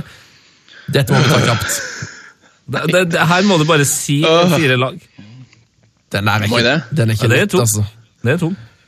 Oi, oi, oi. Eh, United City Nei, kjempekjedelige her, beklager, men United City, Chelsea og Arsenal karrer seg sikkert inn igjen igjen, for det gjør de alltid. Jeg tror vi er tilbake til normalen denne sesongen. Da sitter vi altså med Klopp og Bilic og Ranieri og Pochettino utenfor topp fire. Ja, Men det har jo med forutsetningene til de klubbene. For de har jo eh, det, det nå var, det, nå var det et fantastisk og herlig og nydelig unntak fra regelen forrige sesong. Men det er jevnt, men det er jo jevnt over de klubbene som har mest penger, som gjør det best. Altså, det, det, det, så kjedelig er det av og til. Og Jeg håper jo innerst inne at det fortsetter. Jeg håper vi får en ny Texas-sesong der noen av de rikeste liksom vikler seg helt ut i skogen. Jeg, det, jeg er ikke så interessert i at det trenger ikke være Chelsea igjen, altså, selv om det var morsomt denne gangen. Det kan, det kan, det kan godt være noen andre som havner helt på tur. Eh, men jeg håper jo på en måte fortsatt at vi får spenning, spenning, at vi kan få Westham som er helt oppe, at Tottenham kan blande seg inn i toppen, at vi kan få Leicester, kanskje vi kan få et annet eh, Leicester-aktig lag. Det hadde vært kjempegøy. Men til syvende og sist skal jeg være konservativ og kjedelig og, og si at nå tror jeg de klubbene i toppen, der var det en del usikkerhet i fjor. Du hadde Van Gaal i United som ikke hadde helt eh, snøring på ting, og du fikk den eh, Mourinho-eksplosjonen som jo pleier å skje. Eh, det var en del use... Pellegrini som var Alle skjønte at Pellegrini var liksom på utgående eh, kontrakt og sånn hos Man City, så det var litt ustødig. Nå tror jeg de rike toppklubbene har fått på plass gode, sterke ledere, så nå mistenker jeg at vi er tilbake til, til normalen. Og, og så kommer Arsenal til å komme på fjerdeplass til, til, til syvende og sist på en eller annen måte. For det gjør de alltid. Det tror jeg nok. Men jeg håper jeg tar feil, for bare å understreke det. Jeg håper at det blir mer eh, Texas og kaos og hekkan. Og i, hvis vi nå skal avslutte, så skal vi snakke om at i forbindelse med er, em, i forbindelse med Premier League. Nå, er det, nå skal vi avslutte EM, og det er kjempegøy. Ja. Men da er det jo snart, det er ikke mange ukene til vi begynner å dra seg til Premier League-sesong. Da har jeg uh, nå nylig gjort ferdig en enormt lang artikkel om Leicester City for, uh, for Josimar. Den ble kutta ned litt, men den var utrolig lang når den ble levert inn. Hele historien om Leicester City. hvordan, de, hvordan alle brikkene falt på plass, uh, sånn at vi fikk denne utrolige historien. Og det er, eh, kanskje en av idrettshistoriens største prestasjoner det Leicester gjorde i fjor. Så jeg har skrevet en lang lang sak eh, som er veldig grundig researcha og alt slikt, om nøyaktig hvordan det skjedde, eh, hvordan det ble arbe- jobba på innsiden av klubben. Det har faktisk ikke vært så mye snakket om. Det har vært mye snakk om Ranieri og Jamie Vardy og hvor fantastisk alt er, men, men hva de faktisk gjorde, hvordan de har jobba, hvordan de har trent, hvordan de, hvordan de har spilt. Eh, alt det der eh, kommer i Premier League-utgaven av Josimar, som er i butikken om noen uker, tenker jeg. Eh, det må man bare få tak i. Mm. det, det, det, det der gleder jeg meg til Jeg merker, når, fikk jeg, når, vi, når vi fikk den utfordringen her med disse åtte trenerne å plukke topp fire, jeg fikk nesten lyst til å lage liksom, åtte podkaster før, uh, før Premier League begynner, med bare én episode om hvert lag. For det er, det er så mye å ta tak i. både med, altså, Hva skjer med Westham nå? Klarer de å følge opp? Uh, kom, Tenk hvis Payet forsvinner. Uh, ras, raser det sammen? Eh, Altså, det, og nå Etter, etter EM-finalen så skal det sikkert handles, og så plutselig så har etter fanken plutselig så er Tony Cross eller Hyggain eh, altså en eller annen, det, Morata Det kommer, kan komme inn enda flere spillere. Middlesbrough henter kanskje van Persie. ikke sant? Det, Ja, men det er sånn Nap Napoli er jo allerede i gang. Jeg har jo på en måte så å si Milik i boks. Eh, betyr det at Higuain er ute, og hvem er det da som skal ha Higuain? Ikke sant? Og han er jo i sitt livs form. Eh, Higuain til Arsenal. Boom! Yes. Bare så er Higuain til Arsenal. Tenk alle stikkerne fra Ødsel til Higuain neste år. Oh, Da blir det ikke gode å ha med å. Det blir ille. Med sjanses oppå der. Ja, nei, det er Ja, ja. Nei, nei, nei, nå gleder jeg meg. Oh, Tenk deg det, at vi kan sitte her det er, altså, det er bare timer til Tyskland møter Frankrike. Og vi vil så- bare snakke om og ja, ja, og så er det bare, det- bare dager til det er EM-finale, og så sitter vi fortsatt og kan glede oss over Premier League. Det er jo helt fantastisk. Men jeg vet ikke med dere, jeg, mot slutten av turneringen så blir jeg alltid veldig trist. da, på en måte, Selv om man gleder seg til ah, semifinale, dritkult, da, finale, jeg. Men du tenker jo også, det er snart over, er snart liksom, den turneringen. Jeg gleder meg i to år til den turneringen. Jeg har sett alt. Jeg har liksom tilbrakt, for jeg har vært skada, så jeg har sittet mye på sofaen, for jeg har vært ødelagt i foten. Så jeg har vært på sofaen hele sommeren her nå. Uh, og jeg har sett alt, liksom. Og så nå er det snart slutt. Det, er liksom inn, det, det, det var derfor jeg hadde lyst til å snakke litt om Premier League. For at det er da når jeg, når jeg føler den tristheten kommer, så tenker jeg det er ikke så mange uker til det virkelig braker i gang her, og det blir kult. Det er akkurat det. det. Det er sykt viktig, for hvis ikke så går man i eh, posttraumatisk stressyndrom etter 10. juli. vet du. ja, ja, det, det, blir tungt nå med, det blir så tungt med fredag uten eh, kamp. Ja, Det, det, er helt, det er ikke helt bra, altså. Men eh, vi kan eh, fortsette med dine spådommer. Du tippa jo at Spania vinner EM. Det slo ikke helt an. Hvem, eh, vi, ta, vi, av, vi avslutter med kveldens kamp. Eh, Tyskland eller Frankrike? Hvem går videre, og hvorfor, Lars Sivertsen? jeg, jeg tror på Tyskland fordi jeg syns ikke Spania, sorry, Spania Jeg syns ikke Frankrike har egentlig blitt testa skikkelig. Altså, hvis vi ser på de kampene de har spilt, så har de hatt ganske grei motstand. og De har vært morsomme å se på, og de har mange flotte spillere offensivt. Jeg ville betalt gode penger for å se Dimitri Paya spille fotball ved enhver anledning. men vi har ikke sett Frankrike egentlig spille en match der de er nødt til å forsvare seg. Vi har ikke sett Frankrike spille en match der de er nødt til å jage ballen, for det meste. Hvordan vil disse offensive guttene liksom takle det med at, eh, at tyskerne triller ball halve kampen, som de jo firfot kan finne på å gjøre? Hvordan vil de takle hvordan vil de midtstopperne deres håndtere at de faktisk må jobbe litt defensivt her nå? Og det, det er klart at Dette er ikke verdenshistoriens beste tyske lag. Um, de mangler kanskje en spiss, altså de mangler litt av hvert. Men jeg synes måten de håndterte Italia på, selv om de måtte ut i ekstraomganger, så var det egentlig veldig imponerende. altså. Og du må huske at den kampen der, hvis ikke, hvis ikke Boateng gjør det der merkelige hoppet sitt og gir bort et teit straffe, så, så vinner de jo ganske greit, Tyskland der nå. Det var, det var veldig merkelig der, for ellers, den ellers så solide Jérôme Boateng som, Ja. som var helt på tur der. Eh, så jeg syns eh, fordi jeg syns Tyskland løste den oppgaven mot Italia ganske bra. Så fikk vi se det med at de kan det med å spille mot gode motstandere òg. Det har vi ikke egentlig sett fra Frankrike ennå, så det er en stor X-faktor for meg hvordan de vil takle det.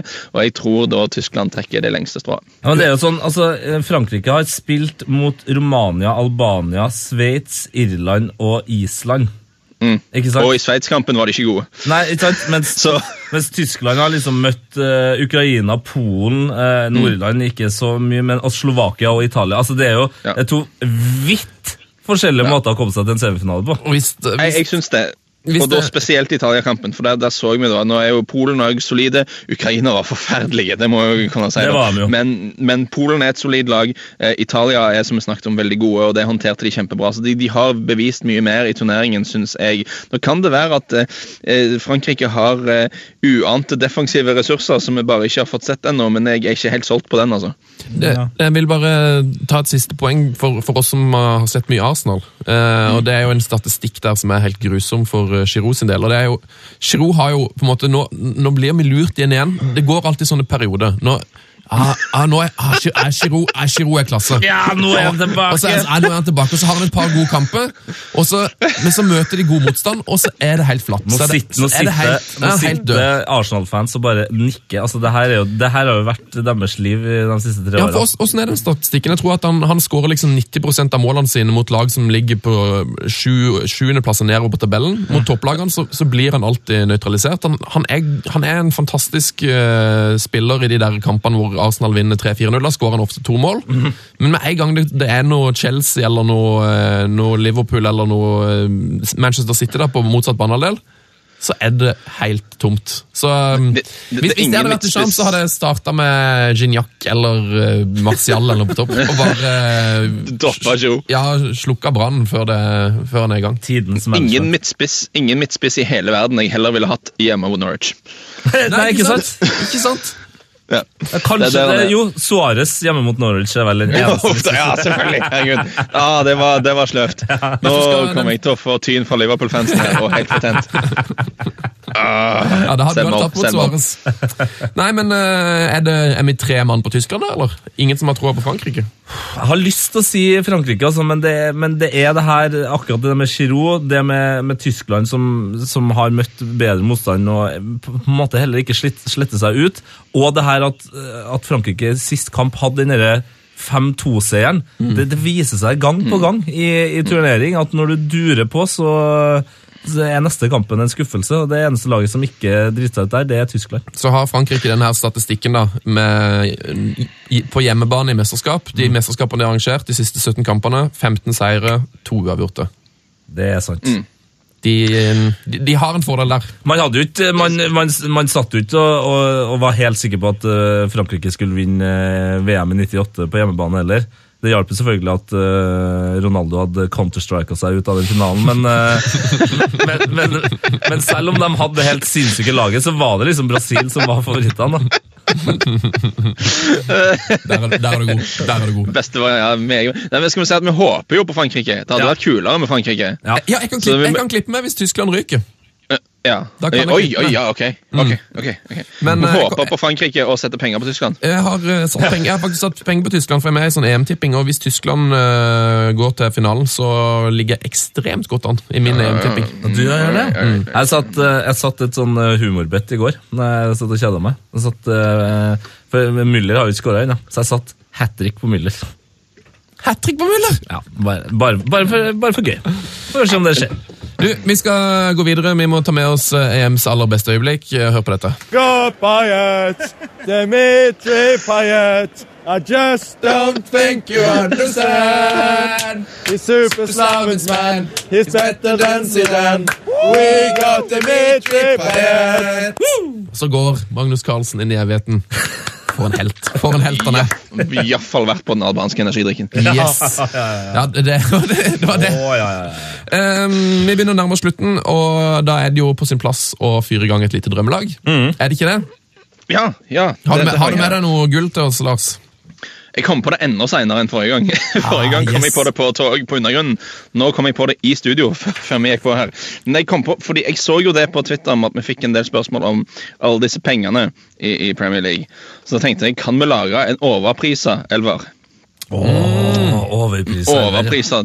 Altfor mye penger ble betalt for disse spillerne. her. Og det, Siden dette er sånn last minute fra min side, så er det sikkert masse jeg har glemt her. Så da syns jeg også vi bør oppfordre eh, Twitteratet og våre fantastiske lyttere til å komme med innspill på folk som heller burde vært på denne listen, for det er jo det som er morsomt. eh, men vi kan begynne. Dette er en gjeng da som ikke hadde vunnet så mange kamper, tror jeg, eh, men som har kosta veldig mye penger. Og da begynner jeg. Keeperplassen er tricky, fordi keepere keepere er ganske Det blir ikke betalt så mye penger for keepere, egentlig. De er som regel ganske billige eh, i forhold til hva de liksom gir tilbake. Men jeg skal være litt streng, men beklager. 9 millioner pund i 2007 til Sunderland for eh, Craig Gordon Yes! Oi. var ikke bra. yes! Det er den jeg tenkte på. Der er du god. Det var altså. ikke bra i det hele tatt. Og det er, det er litt synd, for at han brakk armen da, stakkars Craig Gordon. Og som keeper er ikke det en bra skade å få.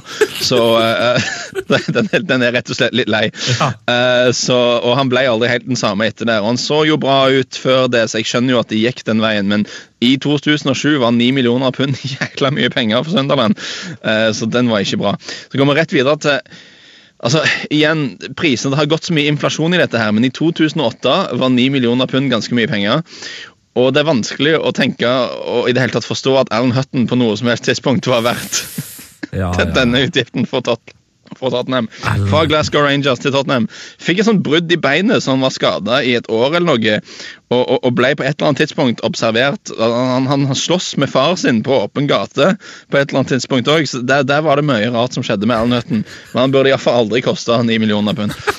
Neste det er jo så tungt. skal høsten dukke opp. Han, han dro jo til Mallorca, eller noe sånt, og da dukka han opp på pressekonferanse med litt sånn shabby gullkjede rundt hans halsen, om jeg ikke husker feil. Ja, ja, det, det, ja. det, det så skikkelig ille ut. Har du sett triksinga Eh. der? Har du sett triksinga der? Å ja, nei, nei, nei, den er tung. Den er verre enn Demidov sin i Sociedad. Den er ille. Den må da, og Alan Hutton eh, trikser når han skal bli Når han skal bli un, un, hva er revealed, eller Ja. når han skal vise han fram da på Mallorca sin hjemmebane.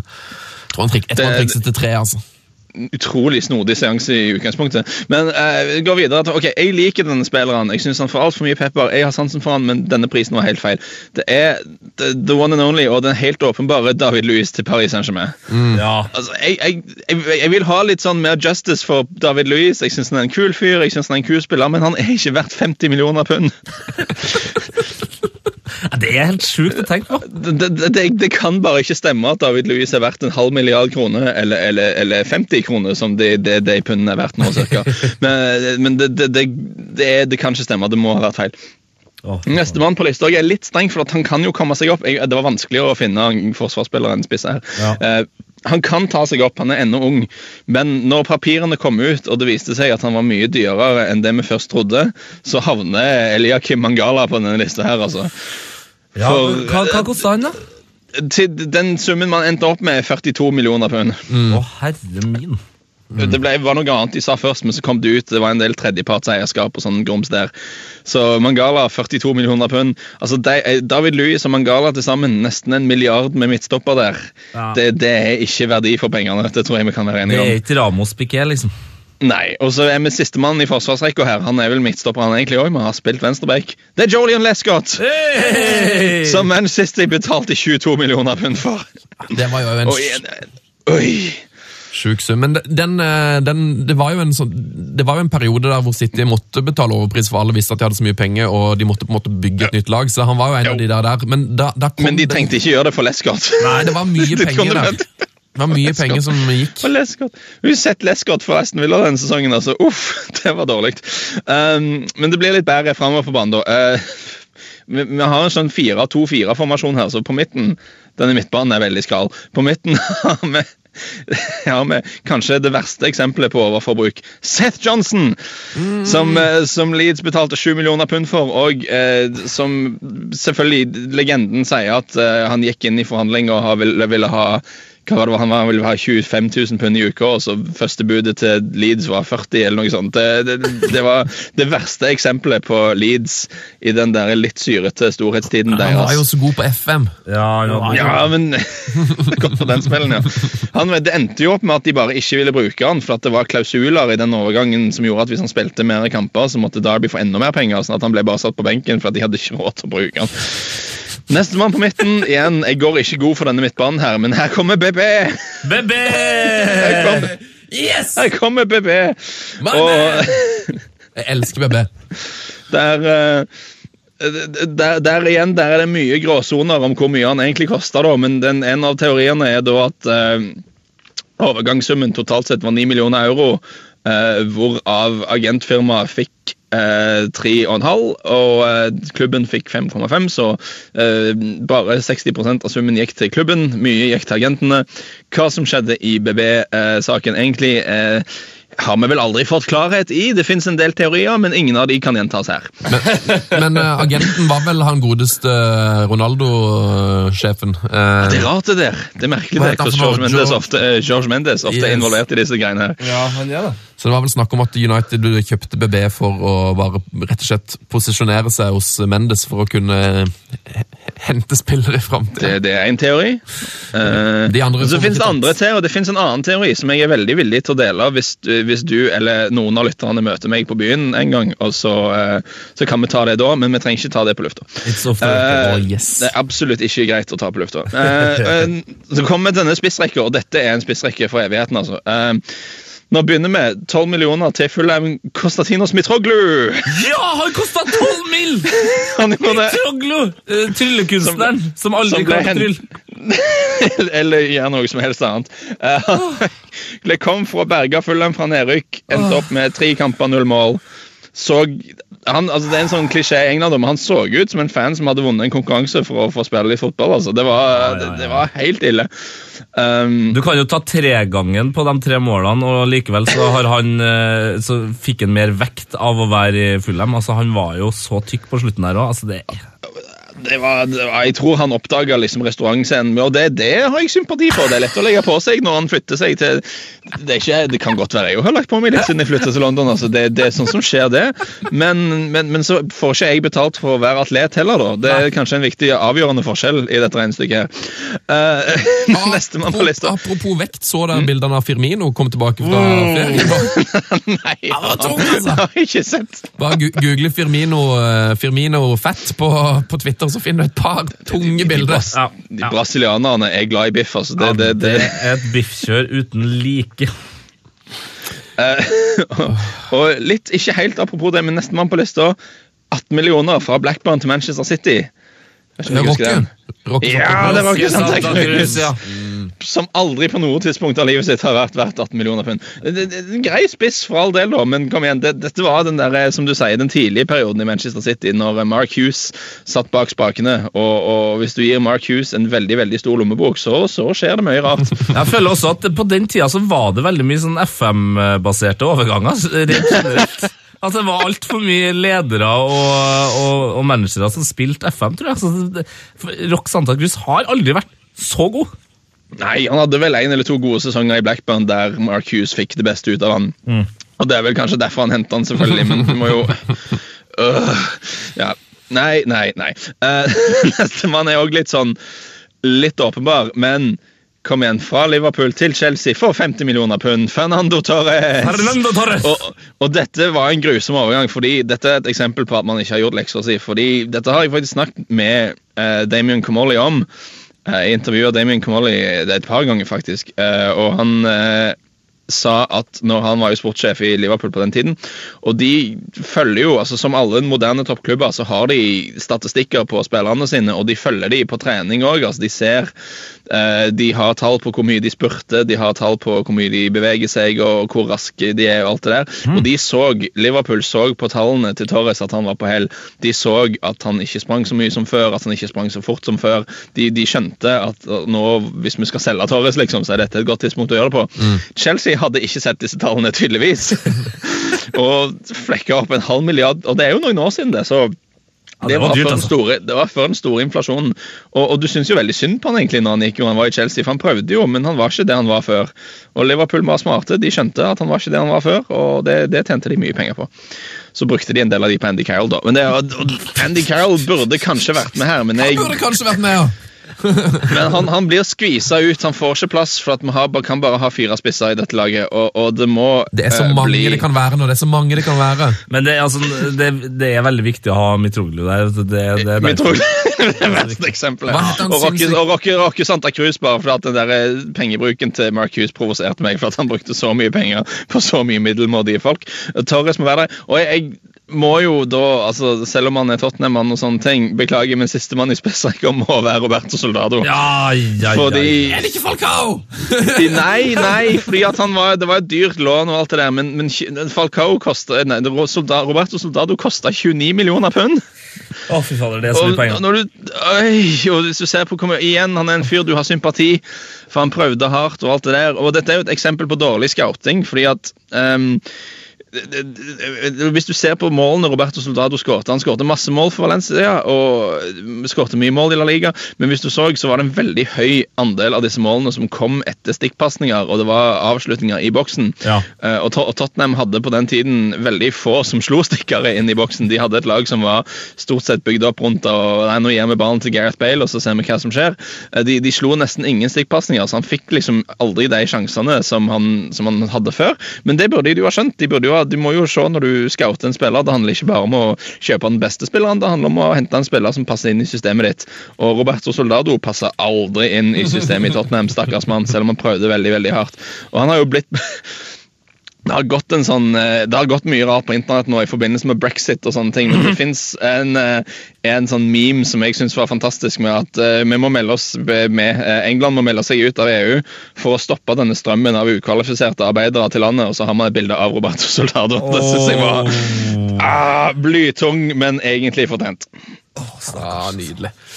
Det er, vi må ikke, altså, det er jo mange som kunne vært med på det laget. her. Jeg gleder meg til å ta diskusjonen videre på Twitter. Ja, Det vil jeg ha mer av. Vi må få innspill her, for at eh, her, er- her er det mye å ta av. Men jeg syns denne gjengen her det var det, det, Dette laget hadde ikke slått uh, mange. altså Kanskje ikke med den Seth Johnson BB-midtbaneaksen. Den tror jeg er spesielt uh, sårbar.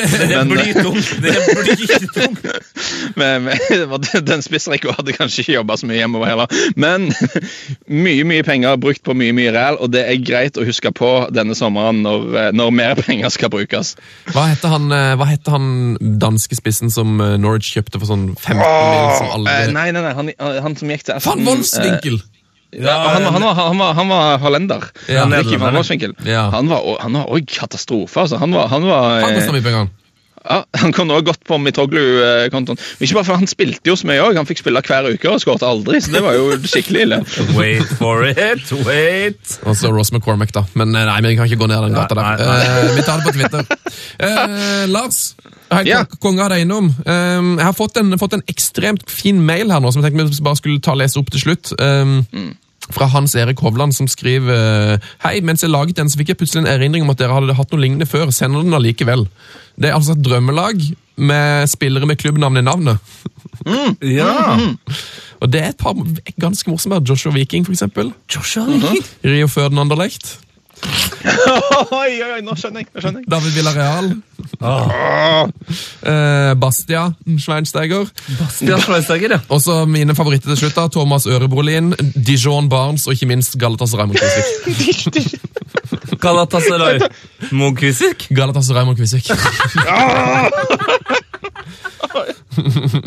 og så har, de det, så har de en veldig fin speider i støtteapparatet òg. Ja. Det er Tore på Trapsomsporet.